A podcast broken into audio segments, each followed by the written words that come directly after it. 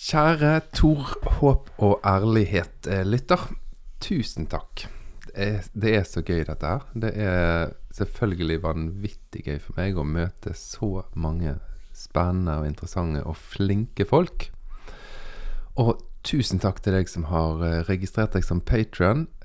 Eh, den støtten som dere gir til uh, Tor Håp og Ærlighet-podkasten, den går utelukkende til å forbedre podkasten, til å få tak i nye gjester og til å ja, investere i utstyr som gjør at uh, lydet og kvaliteten skal være noenlunde bra. Og i dag så leverer jeg tilbake til deg rett og slett en gave. Professor emeritus Kåre Berge. Altså, han er professor i Det gamle testamentet. Jeg tror han har jobbet noe sånt som 40 år ved NLA, og er nå eh, professor emeritus ved Teologisk fakultet i Oslo. Det er vel knyttet til eh, Universitetet i Oslo. Altså, du skjønner, dette er en sånn kapasitet av en uh, mann. Ja, jeg håper du skjønner hvem han er, og hva, hva person det er du nå får lov å bli kjent med. Vi pratet, og eh, plutselig så uh, har det gått en time. Vi skulle egentlig bare snakke tre kvarter. Uh, så praten varer en stund, men det må du tåle. Og så skulle Kåre løpe til bilen for å unngå parkeringsbot. Og idet han løper, så følger jeg han selvfølgelig ut, og mot bilen så spør han, stiller han meg et spørsmål. Og det spørsmålet det kommer jeg til å stille til deg i, helt i slutten av eh, podkasten. Så um, bare heng med, så kommer det et spørsmål som jeg tror er ganske viktig. Nyt. Vi snakkes.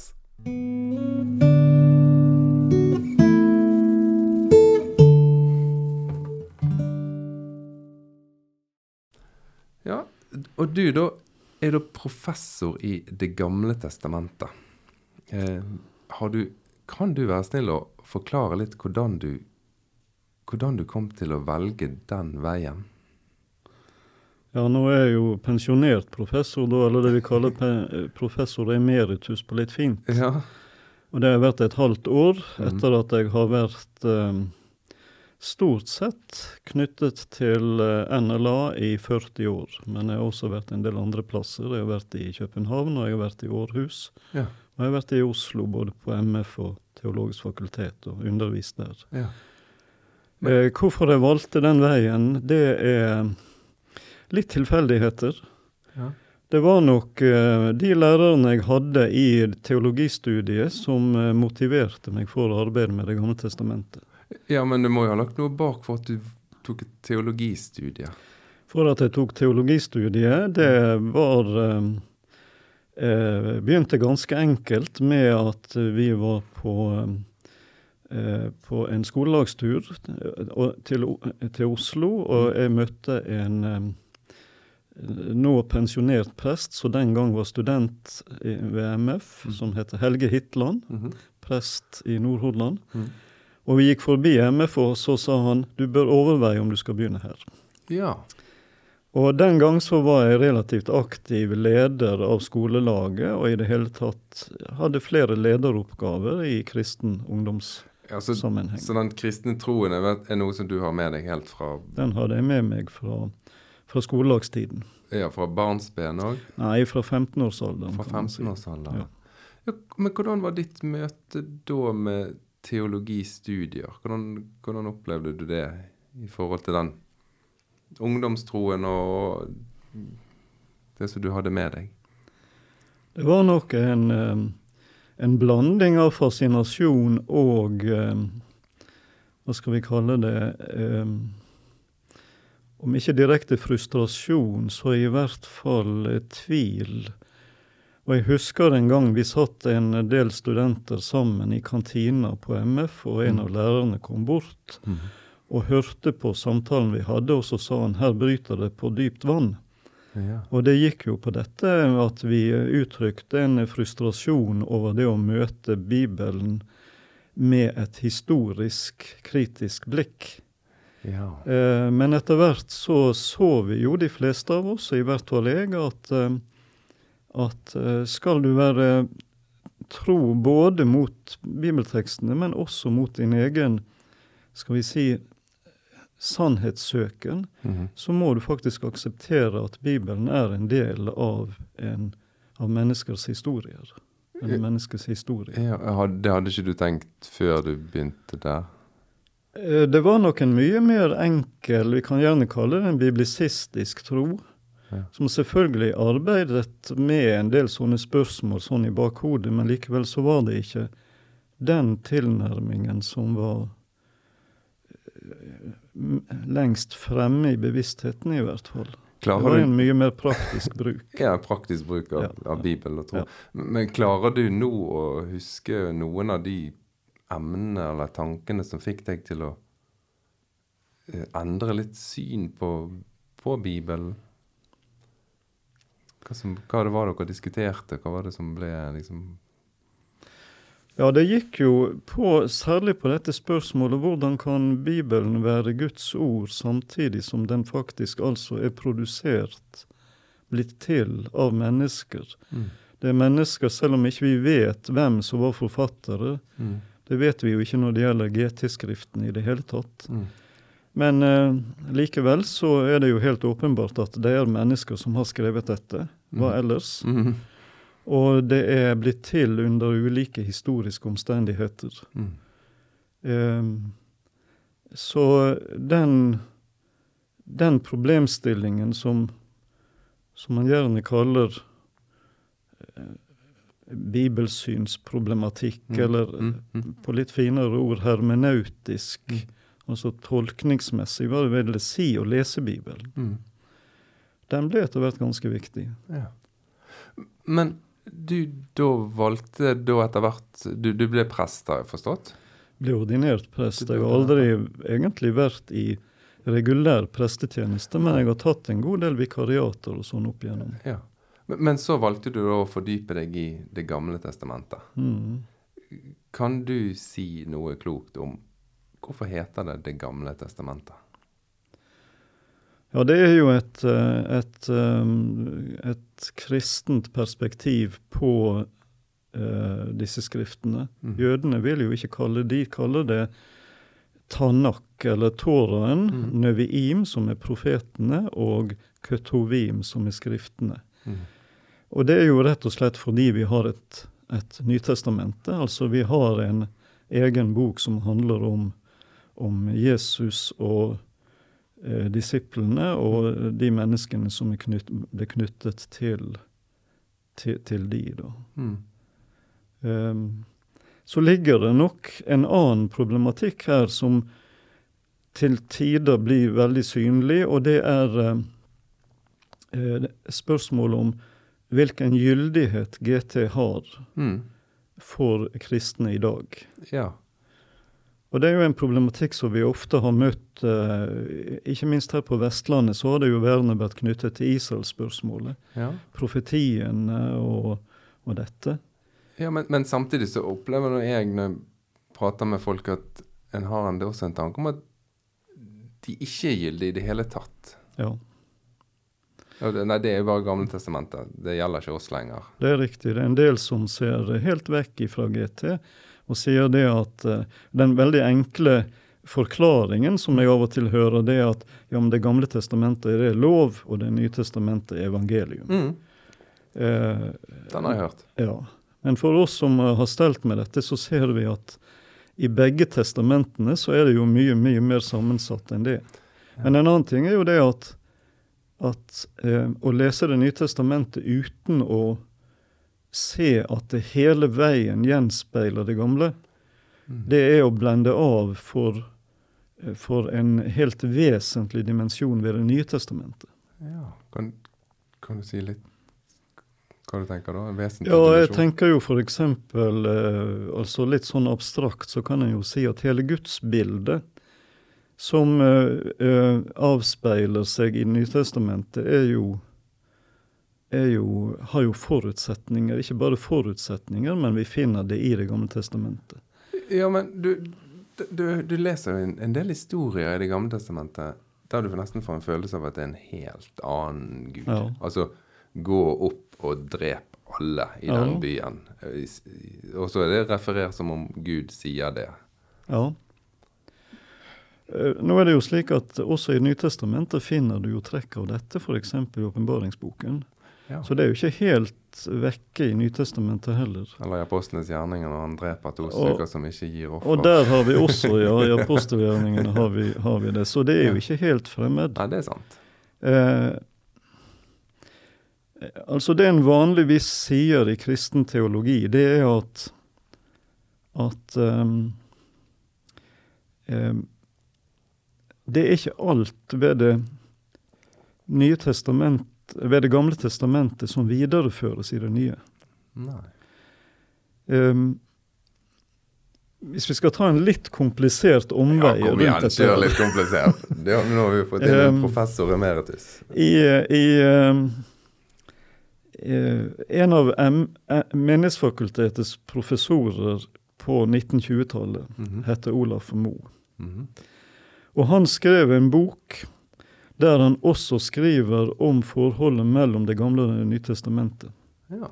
Og han sier at Det gamle testamentet det representerer et førkristent og tilbakelagt religionstrinn i forhold til Det nye testamentet. Mm. Og det er faktisk ganske oppsiktsvekkende i forhold til iallfall en del eh, tendenser som vi har sett. Ikke bare tendenser, men, eh, men eh, eh, ganske kraftige strømninger som vi har hatt spesielt her på Vestlandet. mm. Der man sier at eh, Det gamle testamentet og Det nye testamentet det, er, det, det vitner om den samme Gud, og det, det legges nærmest flatt ved siden av hverandre. Altså nærmest det motsatte av det som du Ja, det som Nettopp sa i sted, ja. Mm. Og likevel så er det noe ved dette eh, som jeg tror jeg skal huske på, at det er ikke alt i Det gamle testamentet som tas opp i Det nye testamentet. Nei. Noe det gis en ny tolkning. Mm. Det er jo f.eks. ingen tvil om at hele Messias-forestillingen i Det gamle testamentet i utgangspunktet gikk en annen vei enn den, det bildet vi møter hos Jesus Ja. som fredsfyrsten. Ja. Selvsagt så er det også trekk i GT, spesielt i de seiende skriftene i GT, Mm. som peker i retning, i denne, i retning av denne avmilitariserte Messias, kan vi si. ja. Men, eh, men det, er bare, det er ikke det eneste trekket. Nei, for det, jeg, jeg leser jo nå en Jeg har nevnt det før på denne podkasten. En som heter eh, Flysser. Han er jo en jødisk Mm. eh, historiker. Og han vil jo hevde at alt Jesus sier og gjør, det finner du også i samtidige jødiske skrifter og tolkninger. Ja. Eh, nå er ikke jeg nytestamentlig, så jeg har ikke eh, detaljert kjennskap til, til akkurat det. Men, men det er i hvert fall Såpass skjønner jeg av Nytestamentet, NT-forskningen. Det er i hvert fall et helt gjennomgående trekk Mm. at uten GT så forstår man ikke NT. Nei. For det er jo si, Det er en, en ting som jeg har syntes har vært veldig fascinerende. Det at når jeg har pratet, prater, Jeg prater mye med folk, det gjør jeg. Denne her jobben gjør at jeg får anledning til det. Og jeg har, har et sånn inntrykk av at vi nå tenker litt sånn at ja, gammeltestamentlige tekstene de kan jeg kikke litt på der jeg finner en sånn Herren er min hyrde, jeg Mm. mangler ingenting. Mm. Men så noen salmer etterpå så står det om å gnuse babyer mot klippen og helt groteske ting. Sånn at vi liker å, å flippe vekk Gammeltestamentet og så forholde oss til en kanskje en Jesus-fortelling eller noen Mm. utsagn fra Paulus som er, er veldig direkte. Så det var egentlig derfor jeg lurte på hvor kom interessen din for Gamle testamentet? Um, ja, det er litt, det, er litt eh, komplisert å beskrive, fordi at som student så så har man jo selvfølgelig med seg, iallfall hadde jeg med meg, den eh, kristentroen som jeg etter hvert fikk som ungdom. Men samtidig så har du også en intellektuell interesse. Ja. som iallfall ble vakt hos meg, Mhm. som gjør at det kanskje ikke er så mye i utgangspunktet en eksistensiell eh, Eller en eksistensielt motivert interesse, men mer en, en intellektuell interesse. Ja. En ser eh, et skrift eller en samling av skrifter som er veldig sammensatte, kompliserte. Mm. De utfordrer tanken. Mm.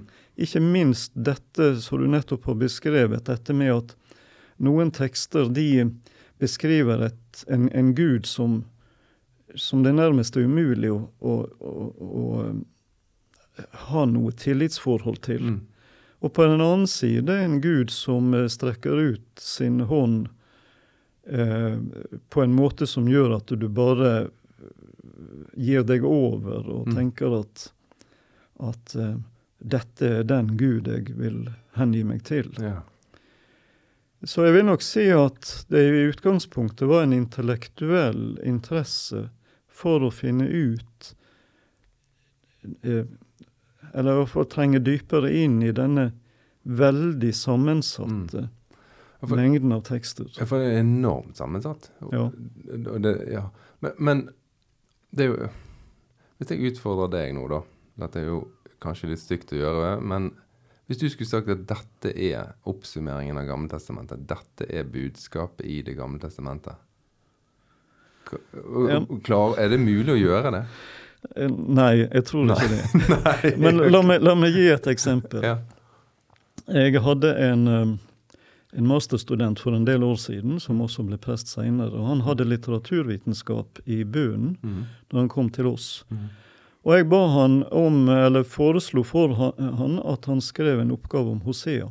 Mm. Ved hjelp av den litteraturvitenskapelige kunnskapen som han hadde. ja. Og Hosea er en liten profetbok. Hosea er en Mm. liten profetbok. Mhm. Og det vi etter hvert fant ut, det var at det gudsbildet som tegnes i Hosea-boken, det er ikke entydig. Nei. Det faller fra hverandre. Mm. Det bryter sammen. For på den ene siden så er Gud den, den hevngjerrige. Mm. Det er jo dette bildet vi møter i Hosea-boken av Israel som den frafalne eh, hustruen, utro, mm. og som nå skal overgis til sine elskere, kles naken osv. Ja. Ganske brutale beskrivelser. Veldig brutalt. Og på den annen side så har man tekster som i begynnelsen av kapittel 11, som sier at hjertet vender seg eh, i meg av medynk med dere. Hvordan kan jeg oppgi dere, hvordan kan jeg forkaste dere? Ja. Og disse to bildene av Gud, de går ikke sammen. Du finner ikke en I hvert fall fant ikke vi noen noen eh, eh, Skal vi si noe fellesnevner, noe som bringer dette her sammen. Eh, og da er jo spørsmålet hva gjør du da? Mm. Og la meg nevne et knyttet det til, til en, en annen side. Mm. Hvis, du skal, hvis du skal oppdra dine barn, Mhm. Så er det jo et poeng at du fremtrer som koherent Ja. i forhold til dine barn. Ja, for du får jo så følelsen av at Gud er jo Han burde blitt fratatt enhver foreldrerett. sant? Ja, For du blir så ja, nervøs ja. i forhold til en som er rasende sint og kjempekjærlig. Det er jo ja, det er veldig bipolart. Ja, du kan, eh, du kan eh, enten, enten vil barnet bli eh, bortimot schizofrent, Mm. eller så vil man ta avstand fra denne personen. Ja. Um, og hva gjør du da når du møter en gud med, som er såpass komplisert, eller såpass kompleks og sammensatt og motsetningsfylt? Mm. Og det man har gjort i, eh, i kirken, er jo at man har løst dette, iallfall i den lutherske kirke, så har man sagt at man, man Eller man har løst det ved å operere med kategorien lov og evangelium. Mm. Altså Gud straffer eller, eller uh, hevner seg, Mm. men på den annen side så er Kristus da denne, denne uh, forsoneren. ja. Og det man ofte gjør, det er at man sier at man bruker Jesaja 53 og sier at, um, at uh, han er såret for våre overtredelser, straffen lå på ham for at vi skulle ha fred. Mm. Men noe av det jeg lærte av min nytestamentprofessor Sverre Aalen på MF, Mm. det var at du finner praktisk talt ikke brukt Jesaja 53. Nei. Og i hvert fall ikke på denne måten. Nei. Så dette straffmotivet, Mm.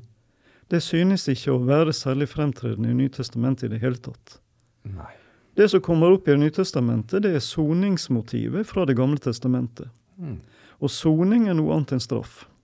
Men det skal jeg ikke komme inn på akkurat nå. Det, tilbake, til Hosea, tilbake til Hosea.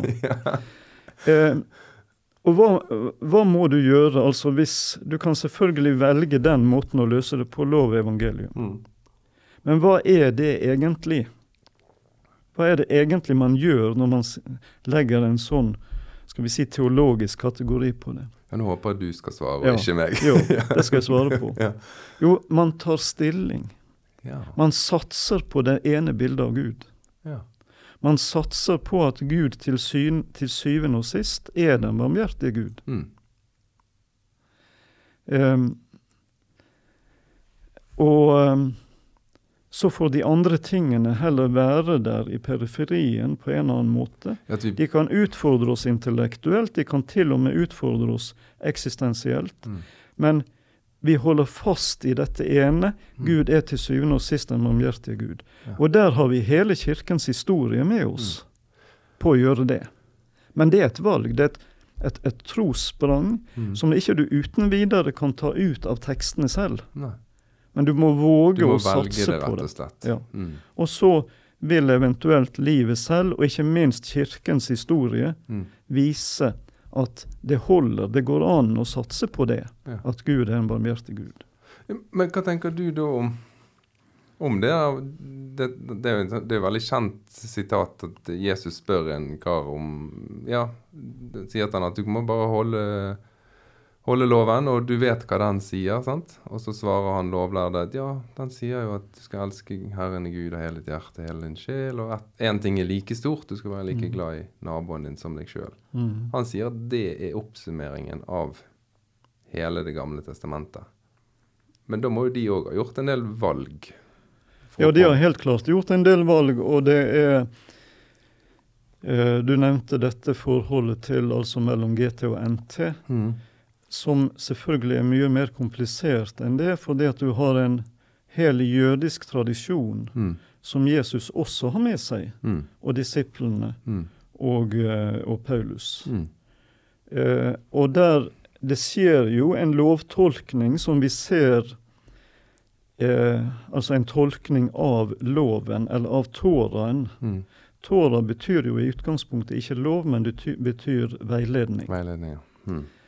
Eh, og så får du eh, en, en, en Altså det, det er en utvikling av, av eh, forståelsen av loven. Mm. Eh, som vi ser f.eks. i eh, et skrift som ikke er med i nei, Gammeltestamentet, som heter Siraks bok. Mhm.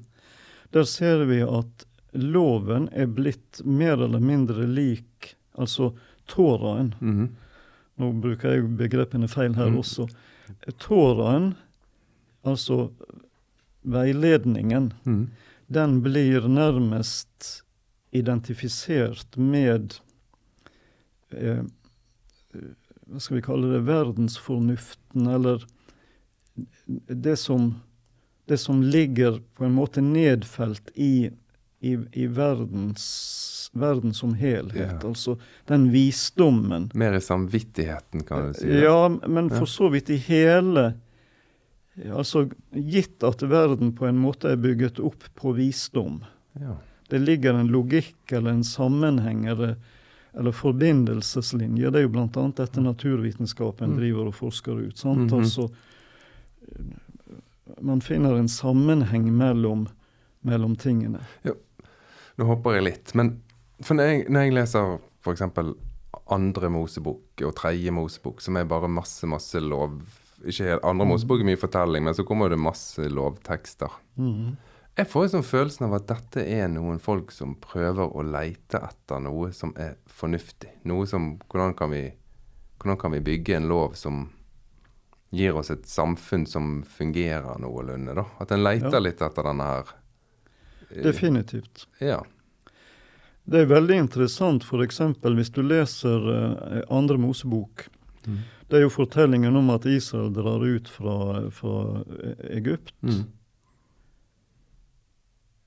Og så oppholder de seg 40 år i ørkenen. Mm. Men i den tiden de er i ørkenen, så gis alle lovene og forskriftene Mm. som skal gjelde ikke i ørkenen, men når de kommer inn i landet. Ja. Så, og hvorfor, hvorfor er det sånn? Hva er grunnen til dette? Mm. Ja, det, det kan tenkes i hvert fall to ting. Og Det ene er at hvis du er i- et sted der det praktisk talt ikke skjer noen ting Mm. Når vi er ute i ørkenen, jeg har vært med på det flere ganger med studentene, Mm. så opplever vi som er fremmede i ørkenen, vi opplever absolutt stillhet. Mm. Og til og med det å se et fly gå over himmelen Mm.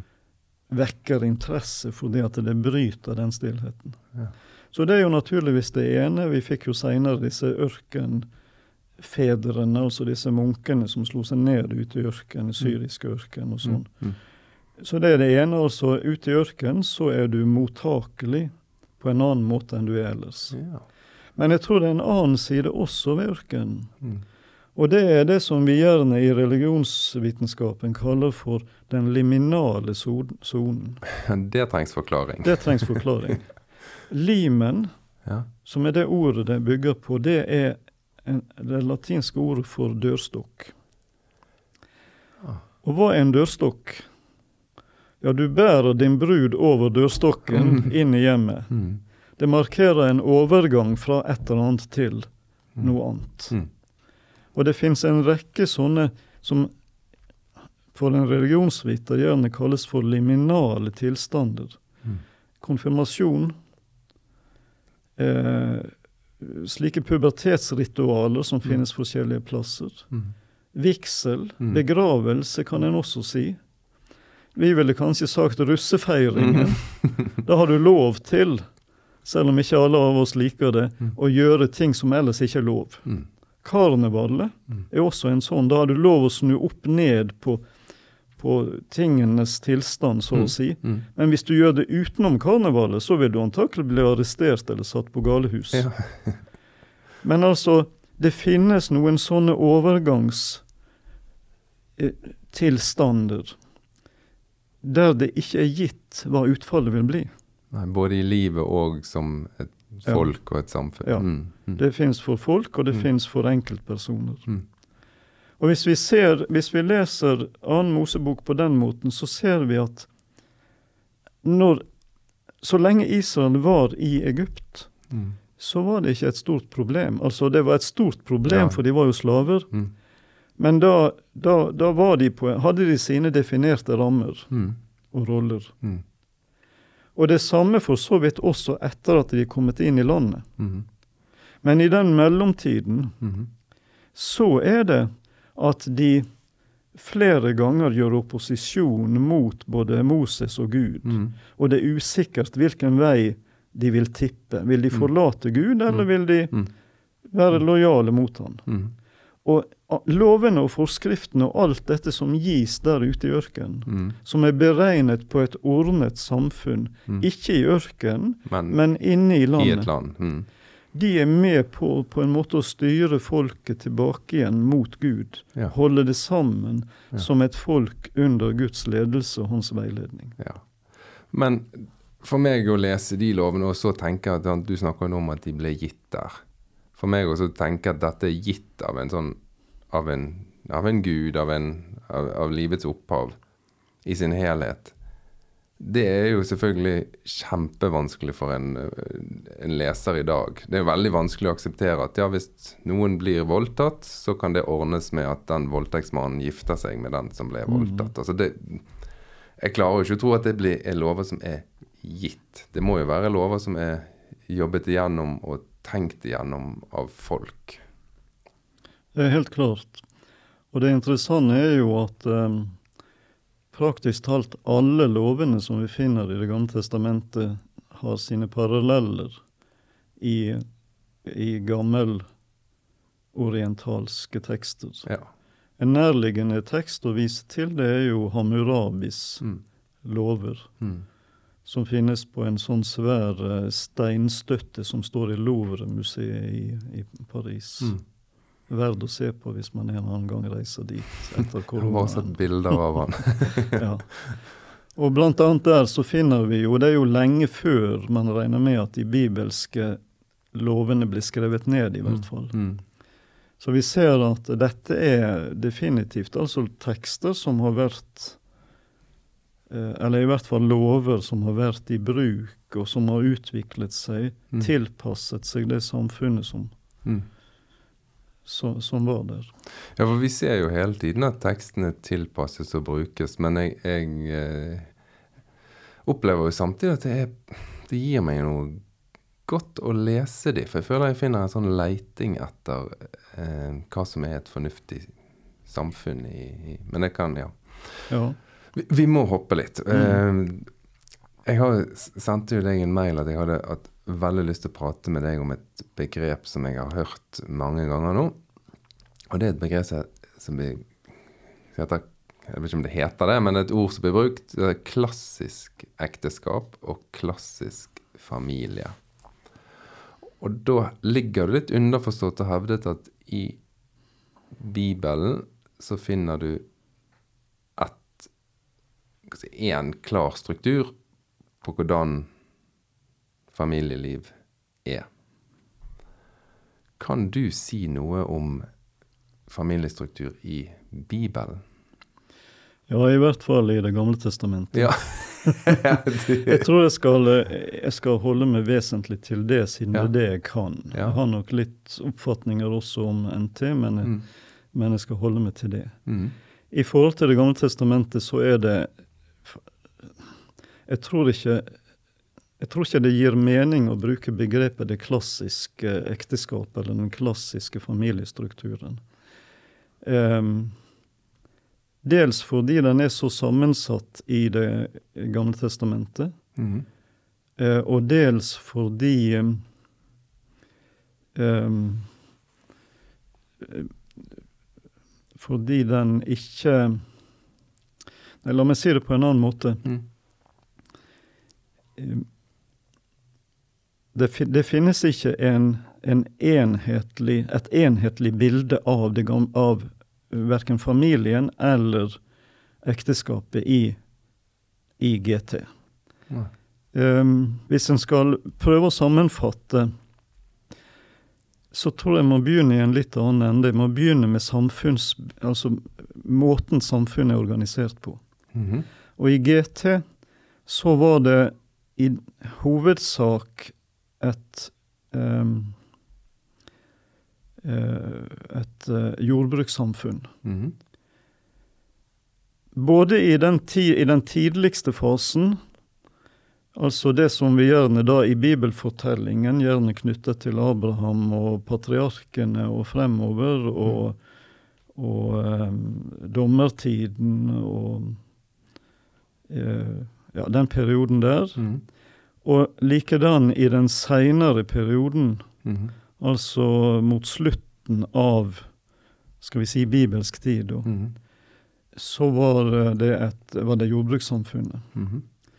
Det var nesten ingen byer, det var landsbyer. Mhm. Eneste byen var Jerusalem, altså i, i la oss si 500 før Kristus, da. Mhm. Og den var også ganske liten. Svært liten, egentlig. Den var kanskje ikke stort større enn et administrasjonssentrum. Det var Eh, Så var det imellom, imellom disse fasene så har vi en, eh, en eh, Altså det er jo den tiden for de For alle kongene som er nevnt i GT, så har du nok flere byer. Mhm. Men likevel så kan ikke vi si at det, det bildet vi møter i GT, er bildet av en bykultur. Nei. For en by er vel Du snakker om et par tusen innbyggere, da? Ja, vi snakker vi om uh, i den størrelsesorden, og så med, gjerne med murer rundt. Altså fysisk sett så har den murer. Så du snakker om et bo norsk mm, borettslag med murer rundt, da? Ja. Mm. Uh, noe i retning av det. En sånn kondominion med murer, Ja. eh, murer rundt. Mm. Men det er noe mindre vesentlig. Det er det som vi ser, i hvert fall i mange tekster, det er at eh, Altså, det er to trekk som går igjen. Det ene er en patriarkalsk familiestruktur. Og det andre er det som vi i dag vil kanskje ville kalle en storfamiliestruktur. Ja. Kan du først si litt patriarkalsk? Patriarkalsk betyr at det er eh, far, eller kanskje til og med bestefar, Mhm. som har autoriteten i samfunnet. Eller i, altså i, I familie, familie, familiesamfunnet, eller familiestrukturen. Ja. Eh, Det betyr ikke at far eller bestefar bestemmer alt. Mm. Kvinnene hadde sine områder, helt Mm. åpenbart. Mm. Så vi kan også si at det var en slags matriarkalsk struktur, altså Mm. at mor, eller eldste mor Mhm. i familien, Mhm. eh, hadde avgjørende innflytelse på hva som skulle skje, hvordan det skulle leves i hjemmet. Um, nå er det jo ganske påfallende at GT egentlig ikke beskriver familien i veldig stor grad. Nei, for det i forbindelse med dette Det er jo lenge siden jeg begynte Mm. å tenke på dette med klassisk ekteskap. Det har jo mye med mitt engasjement i Skeivt kristent nettverk å Mm. gjøre òg, da. Eh, og så tenkte jeg ja, men hva er disse bibelske forbildene til ekteskap? Og det var jo Når jeg prøvde å lese gjennom og finne ekteskap, det var jo ganske tragiske fortellinger. Hadde det Mm. Ja. vært i, i dagens samfunn, hadde det vært fengselsstraff for Ja, ja. alle sammen. Det er jo, det er jo interessant f.eks. at um, um, jentene ble gift og fikk barn i 12-13-årsalderen. Vi ville kalle det barneekteskap, Ja, selvfølgelig. og det ville vært forbudt. Ja. Um, og så var det dette med at den normale familiestrukturen, Mm. den var um, storfamilien. Eh, Det vi ser av arkeologiske utgravninger, det er at det gjerne er to boenheter som er knyttet sammen. Mm. Det er en slags uh, rekkehussystem her. Ja. Med en, en sånn um, gårdsplass eller sånn, Mm. der antakelig svært mye av eh, kokingen, matlagingen og alt dette foregikk. Mm.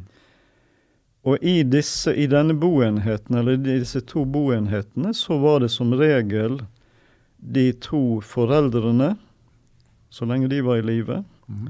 Så var det kanskje to sønner med sine familier. Mm.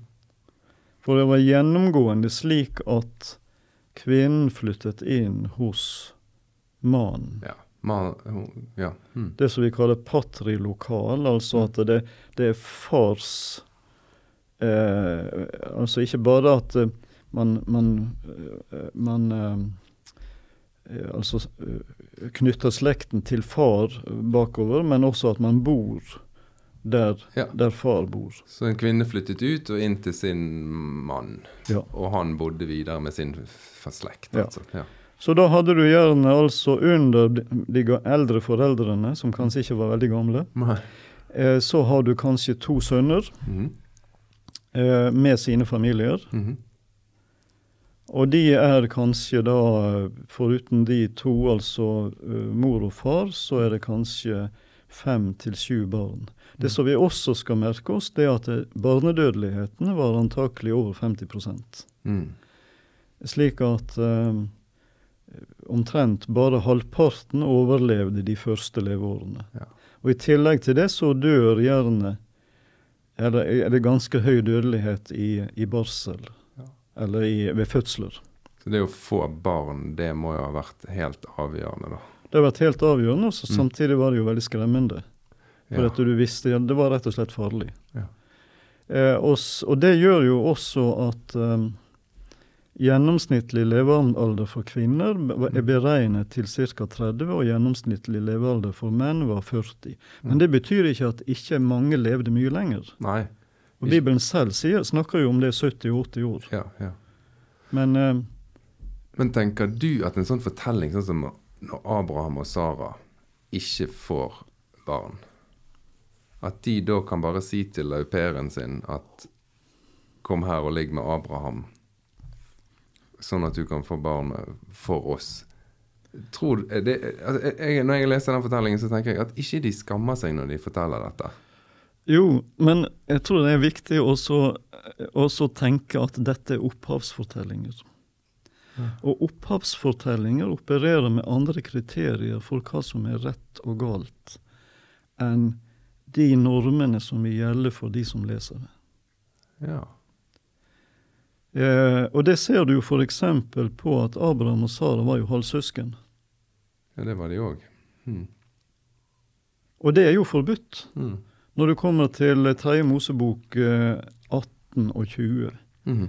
så leser du leser, så, så, og, og også andre tekster. I femte Mosebok har vi også en del, kapittel 25. Ja, sånn, da, Du skal ikke gifte deg med folk som er Du skal er ikke gifte deg med folk som står, nært står deg nær. Ja. Men for de første så var det tillatt. Ikke bare det, men det var faktisk en dyd at de var det. En dyd at de giftet seg med det var, ja, for, for, for, for her er jo poenget eh, eh, Slekten, vår slekts opphav. Ja. Og renheten knyttet til vår slekt. Altså Vi ser det jo hele tiden i Abrahamsfortellingene. Så ser vi at, at eh, eh, når Isak skal eh, få en kone, Mm. så hentes ikke den ifra kananeerne, men går Nei. tilbake igjen til morbroren. Mm. Nei, det er Jakob som kommer til morbroren. Mm. Men også Isak Mm. hentes fra samme familie Ja. som Abraham og, slekt, og, og, og, og Sara. Eh, sånn at det, det er en veldig, et veldig fokus på at vi vi er reine. Vi er en, vi, altså etnisk er sett reine. Det er vår ett. Som er viktig. Mm. Ja. Mm. Og reindyrker du den tanken, så Mm. kan de to første foreldrene heller ikke komme fra to forskjellige Nei. Men så du de, tenker at de kan også ha konstruert en sånn fortelling for å vise at vi er en rein ett? på en eller annen måte så spiller iallfall andre betingelser inn når det gjelder det å fortelle opphavsfortellinger. Dette kjenner vi til fra gresk litteratur. Vi kjenner det til fra Der er jo den greske mytologien. Mm. Mm. Eh, men vi kjenner det også til det fra mesopotamiske tekster. Mm. Altså når du går langt nok tilbake, så er det helt andre kriterier som gjelder for de som er våre opphav, Ja. enn de reglene som gjelder for oss her og nå. Men hvordan kan vi ta disse fortellingene og gjøre det til et, da, en sånn moralsk pekepinn for hvordan vi skal leve i dag? Det, det, Jeg tror vi skal være veldig forsiktige med å gjøre det. Jeg tror at vi må i hvert fall hele tiden balansere det ut imot det som jeg vil kalle erfaringen. mm. Erfaringen av hva som er et godt liv for oss her og nå. Mm. Hvis ikke du balanserer disse tekstene opp imot vår erfaring av hva som er godt, Mm. så havner du i et samfunn som vi ikke vil, vil sammenligne oss med. Nei. Altså bare en sånn ting som dette med dødsstraff, Mm. som jo ikke bare er tillatt, men påbudt i Det gamle testamentet. Mm. Og det er dødsstraff straff ved steining, Mm. og det er dødsstraff ved eh, handlinger som vi overhodet ikke vil ramme på den måten. Det vil ikke, knapt- mange vil ikke straffet engang. Nei, vi vil ikke straffet engang. Helt fornuftige handlinger. Mens Ja. dette som Abraham og de gjør med sin au pair, det ville jo vi straffet strengt i dag. Det ville vi straffet. Ja. Um, og så sier man da gjerne at ja, men i, i Nytestamentet så møter vi et helt annet bilde. Vi møter en, en barmhjertig Gud. Vi møter Jesus som eh, forkynner tilgivelse, osv., osv. Men likevel Mhm. så ser vi jo at eh, eh, dødsstraff for blasfemi Mm. var ikke bare til stede i dansk-norsk lovgivning, men faktisk også praktisert til langt oppover mot, eh, så vidt jeg husker, inn på 1700-tallet. Ja. Ja, og så ser du også at det har vi faktisk kommentert i denne, også sett litt på i denne podkasten tidligere. Dette med sånn svogerekteskap. Eh, Det blir jo gjentatt i Nytestamentet. Jesus blir Mhm. konfrontert med en, en sånn dilemma der han må ta stilling til svogerekteskap. Mm. Altså at du må gifte deg med din avdøde bror sin kone og føre hans slekt videre. Ja, Jesus ser ut som det er en del av samfunnet han lever i, og sånn er det. Definitivt. Og det samme gjelder jo med Paulus og slaveriet. Ja. Paulus opphever jo ikke slaveriet noen steder. Nei. Så alt dette viser jo at eh, erfaringen vår Mm. må spille en rolle. Ja. Og det man da ofte gjør i teologisk sammenheng, det er at man spør etter hva, hva er de dypere siktene i i, i, i, i eh, GT og NT. Mm. Altså, ligger det noe djupere der som er av mer allmenn karakter? Mer varig karakter? Ja, ja, for det, jeg sitter jo med litt den følelsen at ender ikke du opp her nå hvis vi tenker videre sånn at ja, nei, men disse hendelsene, disse tekstene, de er så gamle at vi kan ikke forholde oss til det i det hele tatt lenger. Nei, altså, det, det, det er kanskje ikke fordi de er gamle i og for seg, men det er kanskje heller fordi eh, Altså, ta nå, for, ta nå dette med, med eh, det som vi i dag kaller barneekteskap. Mm. Så langt vi vet, så er altså, som jeg sa, eh, gifter, giftermålsalder for jenter 12-13 år. Mm. Og man forventet barn ganske raskt etter det også. Mm. Og for menn var det antakelig en åtte-ti år seinere. Men det er helt uaktuelt for oss. Mm. Eh, fordi at vi har et samfunn der både gutter og jenter tar en utdanning, Mm. eller skaffer seg en yrkeserfaring, Mm.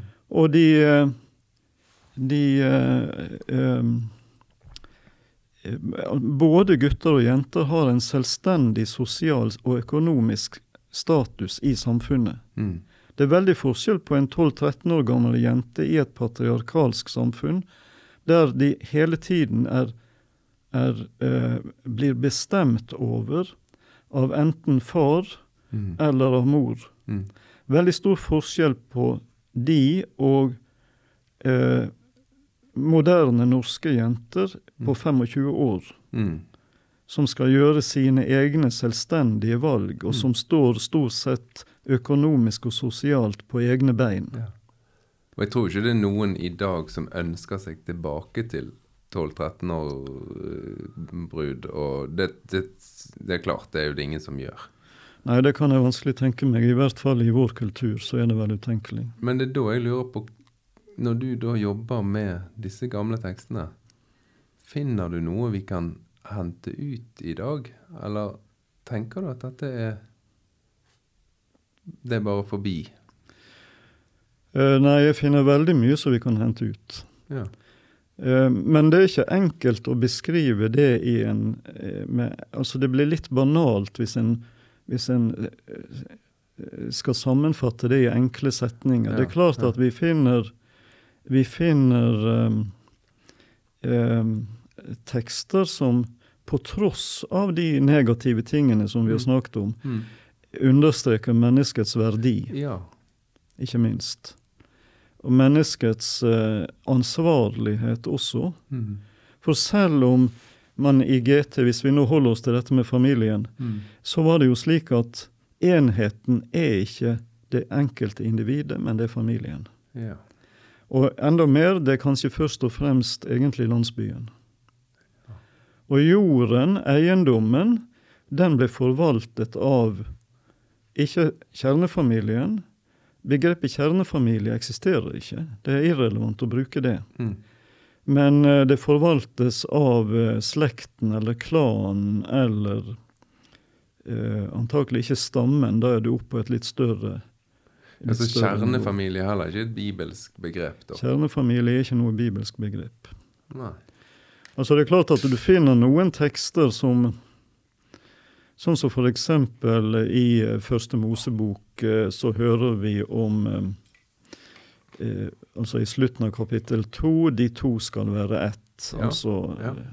Eller ett eh, Et legeme, eller hvordan Mm. vi skal oversette det. Mm. Så du finner, du finner på en måte La meg heller si det sånn at det forutsettes Mm. at det er et At det er to mennesker Mm. eh, som er på en måte opphavet til denne familien, Mm. eller denne storfamilien. Mm. Men det er ikke der fokuset ligger. Fokuset ligger på, på denne storfamilien som enhet. Og det er en indre kollektiv solidaritet Mm. som de enkelte kan bryte ut av, men som likevel utgjør den kjernen av, av det ansvarsfellesskapet Mm. som man normalt lever i. Mm. Du er ansvarlig for det som den storfamilien gjør, Mm. eventuelt slekten Mm. gjør. Um, Det virker jo litt vanskelig for oss å sette oss inn i tankegangen, da. Det virker som tankegangen er blitt så enormt endret. Skjønner du hva jeg mener? Altså, ja, den, den følelsen av individ og mine to barn, at det er sentrum, den er jo ganske sterk. Den er veldig sterk, og det er jo eh, Nå er jo ikke jeg historiker eller kirkehistoriker, men eh, så vidt jeg forstår, så er jo det først og fremst forbundet med industrisamfunnet. Mm. Jeg tror det er mye lettere å forstå den gammeltestamentlige modellen, eller Mm. modell er litt sterkt sagt, for dette er jo et, en, en tendens noe, som, med mange variasjoner. Mm. Eh, jeg tror det er mye lettere å forstå den, eh, den måten å strukturere samfunnet på hvis du tar utgangspunkt i eh, bondesamfunnet. Ja. Der du er avhengig av at eiendommen ikke splittes opp, ja. ikke deles ut på mange hender. Mm. Og du er avhengig av å vite hvem det er som fører denne eiendommen videre. Mm. Vi har jo et eksempel i Bibelen, det er na historien om Nabots vingård. Mm. Der kong Akop ville kjøpe denne vingården, Mm. og, og eh, Nabot sier nei, den tilhører slekten, jeg kan ikke selge den. Mm. Og så greier da Akop likevel å få fatt i det. Mm. Så den, det sitter helt tydelig veldig djupt at jord selger du ikke ut av. Det er iallfall hvis det skal ut av familien eller ut av slekten, så er det et slektsanliggende. Ja.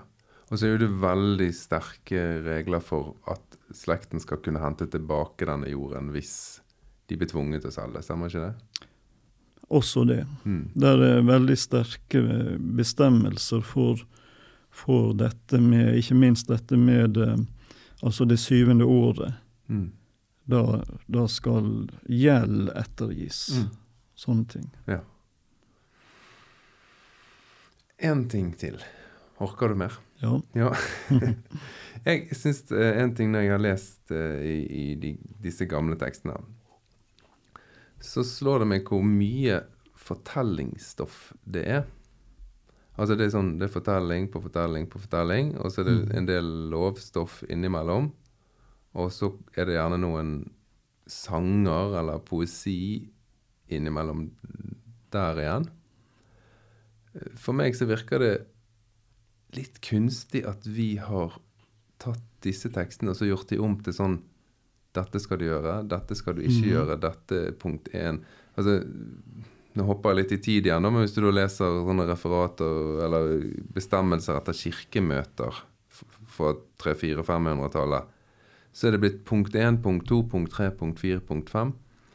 Men det finner jeg Eller det virker ikke Jeg skjønner ikke helt hvordan det kunne, den overgangen Skjønner du hva jeg mener? Altså at, at en går fra personlige fortellinger og fortellinger om helt forferdelige ting og fantastiske ting, og så, og så gjør vi det om til en sånn eh, lovtekst. Vet du hvordan det har skjedd? Eh, ja, det er jo en ganske komplisert historie. Mm. Eh, hvis, hvis man leser Man kan gå inn og lese denne, dette skriftet som finnes i apokryfene, som vi kaller det. Mm. Eh, Det finnes en bibelutgave med den, og eh, den er utgitt som selvstendig, eller de bøkene er utgitt som et selvstendig bok på Bibelselskapet nå. Mm. Men der er det en bok som heter eh, Esras bok. Mm. Og jeg er ute i, et godt stykke ute i den boka, kapittel 40 og utover, Mm. Så møter vi nettopp fortellingene igjen mm. om disse kjente skikkelsene i Det gamle testamentet. Abraham, Isak, Ja Jakob da, og uh, Josef og ja. alle disse her store fortellingsskikkelsene som vi har i, i, de, i de, kan du si, fortellingsbøkene i GT. Mm. Og det som er typisk i, S, i, i, um, i um, Siraks bok, Mm. Det er at disse, for, disse personene de fremtrer som eksempler. Ja. Eksempler hvordan, på hvordan man skal leve. Mhm. Og da har du på en måte tatt første skrittet mot det å gjøre disse fortellingene til ikke bare enk eksempelfortellinger for god livsførsel, Mm. men også å gi det en normativitet. Altså gi Ja. det en, en gyldighet for hvordan du skal leve. Mm. Så det er første skritt, tror jeg. Ja, for det tenker du at de første forfatterne ikke var så opptatt av? Nei, du finner lite av det. Du kan nok finne elementer av, eh, av det. Jeg kommer ikke på noe i øyeblikket, men, Mm. men det er ikke et fremtredende trekk, i hvert fall ved GT selv. De bare forteller dette. Ja, ja. Og det er jo ganske typisk at um, at um, Vel, altså med David så har du vel noen sånne moralske konklusjoner, men det er få av de. Mhm. Men på en annen side så er det jo helt tydelig eh, altså budskapet omkring eh, eh, omkring Jakob og de to eh, konene. Mm. Det viser jo at det er ikke en stor fordel å ha to koner samtidig. nei, nei, nei. Vi kan jo lese ut noe. Ja. Mm. Sånn at det ligger jo en del sånne føringer i, i fortellingen selv. Mm. Og jeg vil jo også si at den som du nevnte, den med Abraham og Hagar, Mm. eh, så ligger det et element av eh, ja, det, er, det er en veldig vanskelig fortelling. Og, altså, hva er moralen i den fortellingen? Mm. Det har jeg også latt studentene mine prøve seg på mange ganger. -hmm. Og det er veldig vanskelig å si hvor ligger sympatien. Jeg pleier å spørre hvor ligger sympatien. Ja. For det, der sympatien ligger, vil du som regel òg finne den moralske eh, kjernen, eller Mm, mm, mm. nerven i det. Eh, og noen sier ja, hos Sara, fordi at hun ikke Hun blir da eh, behandlet dårlig av den trellkvinnen. Men andre vil si nei, det, sympatien ligger hos Hager, altså trellkvinnen. ja, for definitivt for meg. Jeg Ja. hadde sagt det med en gang, at det var min. Mm. For, fordi at så lenge hun blir behandlet så å si av, av Sara og Abraham, Mm. så er hun bare altså, hun er bare et objekt. Ja. Hun kommer ikke til orde selv. Ja. Og først når Gud møter henne, Mm. fremtrår hun med en, med en selvstendig stemme Ja. og blir gitt det vi kaller en, en egen personlighet. Egen person. Ja. Og det samme ser du også i, med historien om, om David og Batseba. Mm. Hun er også i utgangspunktet bare kvinnen. ja. Sånn at det er helt tydelig at når du leser ned i disse tekstene Mm. med Vi kan gjerne bruke litteraturkritiske Mm. briller. Mm. Så vil du se at det ligger noen sånne moralske føringer i dette, Mm. som i hvert fall er lett for oss fra vår kultur å se når vi bruk, tar på de Ja, for, for det er veldig snodig. Nå, etterpå nå så skal du få en bok av meg. Jeg har skrevet første Mm. Mosebok i en romanform. For å få gjøre den tilgjengelig. Det høres kjekt ut. Ja, det er litt Mm. gøy. Men når jeg da skulle skrive den Abraham Hager-fortellingen Mm. for meg, Og jeg prøvde å være så nøytral som mulig. Skulle ikke legge inn mine uh, føringer for historien. Mm. Men for meg å ikke kjenne en enorm sympati med Hagar, Ja. det, det var ikke sjans. Jo mer jeg leste den, jo mer ble jeg sånn Stakkar jente. Ja. Totalt utvist. Nei, men jeg tror at det er veldig vesentlig å stille det spørsmålet hvor ligger sympatien? Mm. For straks du reiser det spørsmålet, Mm. eller i min tankegang, så er det det som er veien inn mot det å se hvor er den moralske nerven. Ja.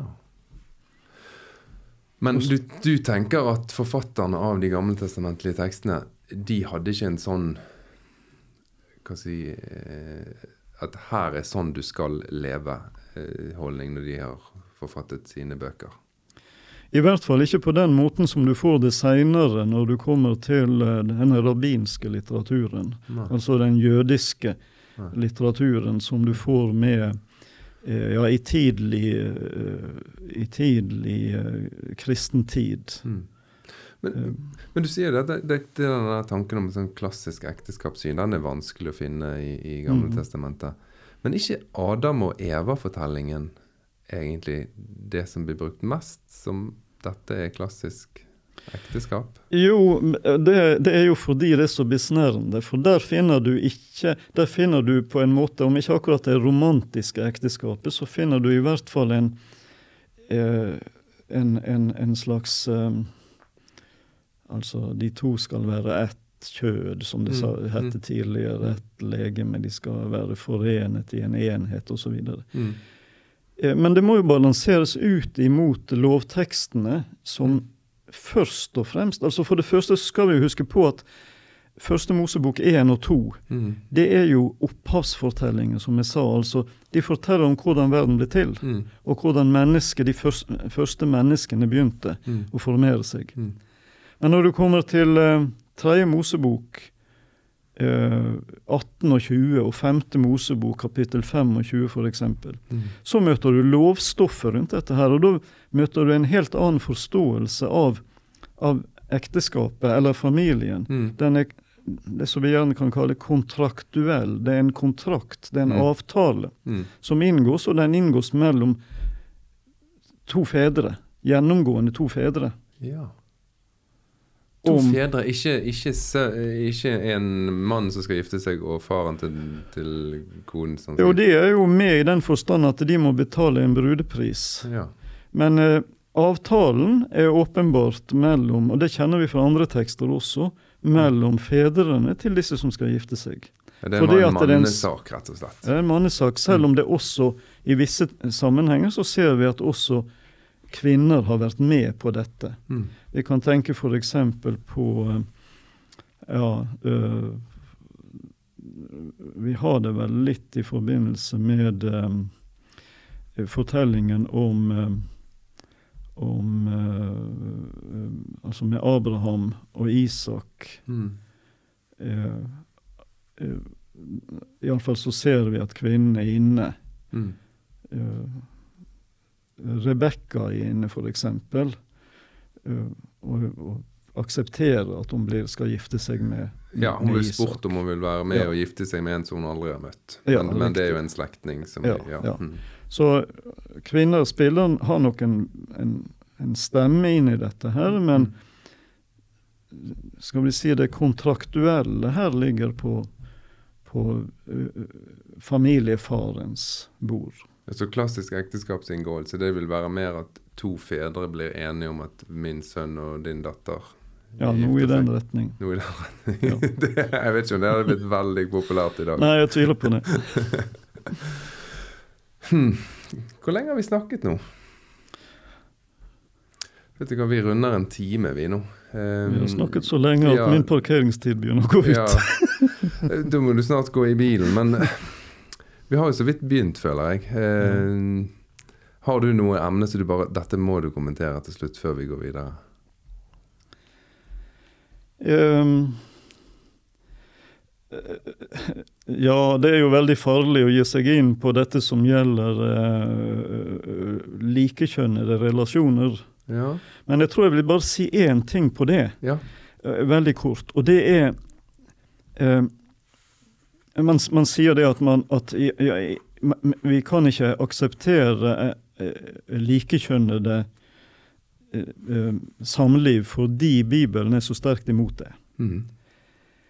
Eh, og Samtidig så vil, også, vil de fleste i dag si at man må skille mellom, mellom en, en homofil eh, Hva skal vi kalle det? Eh, em, legning eller em, em, Det er et annet ord som ofte brukes. Ja, iallfall skille mellom legning og praksis. Praksis, ja. Ja. Mm. Problemet er bare det at det er en moderne konstruksjon som baserer seg på den erkjennelse mm. at noen av oss har en tiltrekning, en erotisk tiltrekning til samme kjønn. Mm. så å si med Altså, Årsak til det og sånne ting skal ikke jeg spekulere på, men iallfall noe som ligger i, i orienteringen. Mm. Akkurat som andre har en heteroseksuell orientering, så er det Mm. noen som har en homoseksuell orientering. Mm. Det temaet finnes ikke i Det gamle testamentet. Nei. Og jeg er rimelig sikker på at det ikke finnes i Nytestamentet heller. Nei. Sånn at Bibelen reflekterer faktisk ikke over noe som vi vet nå. Nei. Eh, og da er vi nødt til å ta høyde for det. Og da er det tross alt bare noen få steder, det er fem-seks steder igjen i Bibelen som omhandler dette temaet. Mm. Og det er tross alt ikke mye i forhold til alle de andre Nei, temaene som behandles. Det er jo egentlig ingenting. Nei. Nei. Sånn at, eh, at eh, den moderne debatten om hvordan vi skal se på eh, likekjønnet samliv Mm. for personer som har en seksuell orientering mot det samme kjønn. Mm. Hele den de debatten må først og fremst basere seg på erfaringen.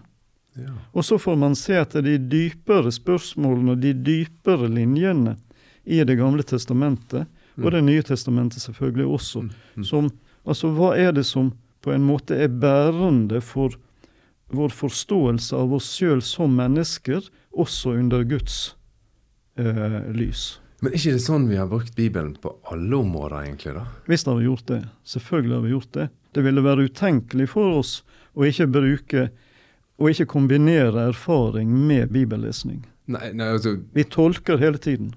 ja, for, klart at frigjøring av alle slaver, det var jo helt, helt uaktuelt og meningsløst i Bibels tid.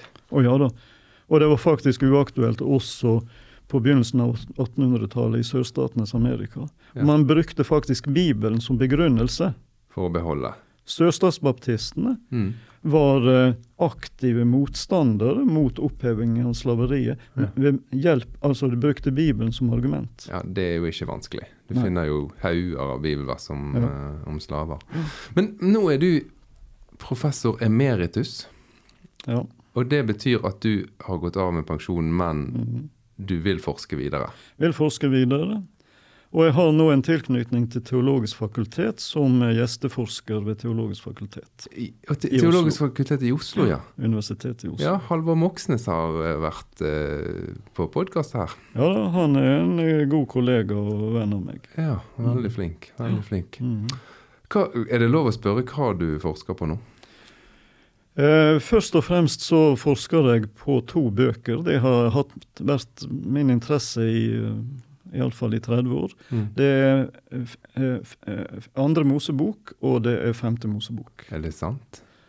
Og med femte Mosebok så er jeg særlig opptatt av, akkurat nå opptatt av eh, Hva vil det si å bli opplært i loven? Ja. Altså i Toraen, som er et begrep som vi, som vi møter der. ja. Det må jeg innrømme at jeg kunne veldig godt tenkt meg å hørt litt mer om. Men det får vi ta på telefonen, da tror jeg. Ikke du får parkeringsbot. Nemlig. Tusen takk for at du stilte opp i Tor håp Mm. og ærlighet. Det var veldig, veldig fint av deg. Takk for praten. Takk for praten, ja. Jeg må nesten, få nesten bare syne meg. Som sagt så eh, løp vi ut for å unngå at eh, Kåre skulle få parkeringsbot. Og på vei til bilen så forteller han meg en eh, kort historie om en pappa som eh, nekter sønnen sin å komme hjem og inn i huset.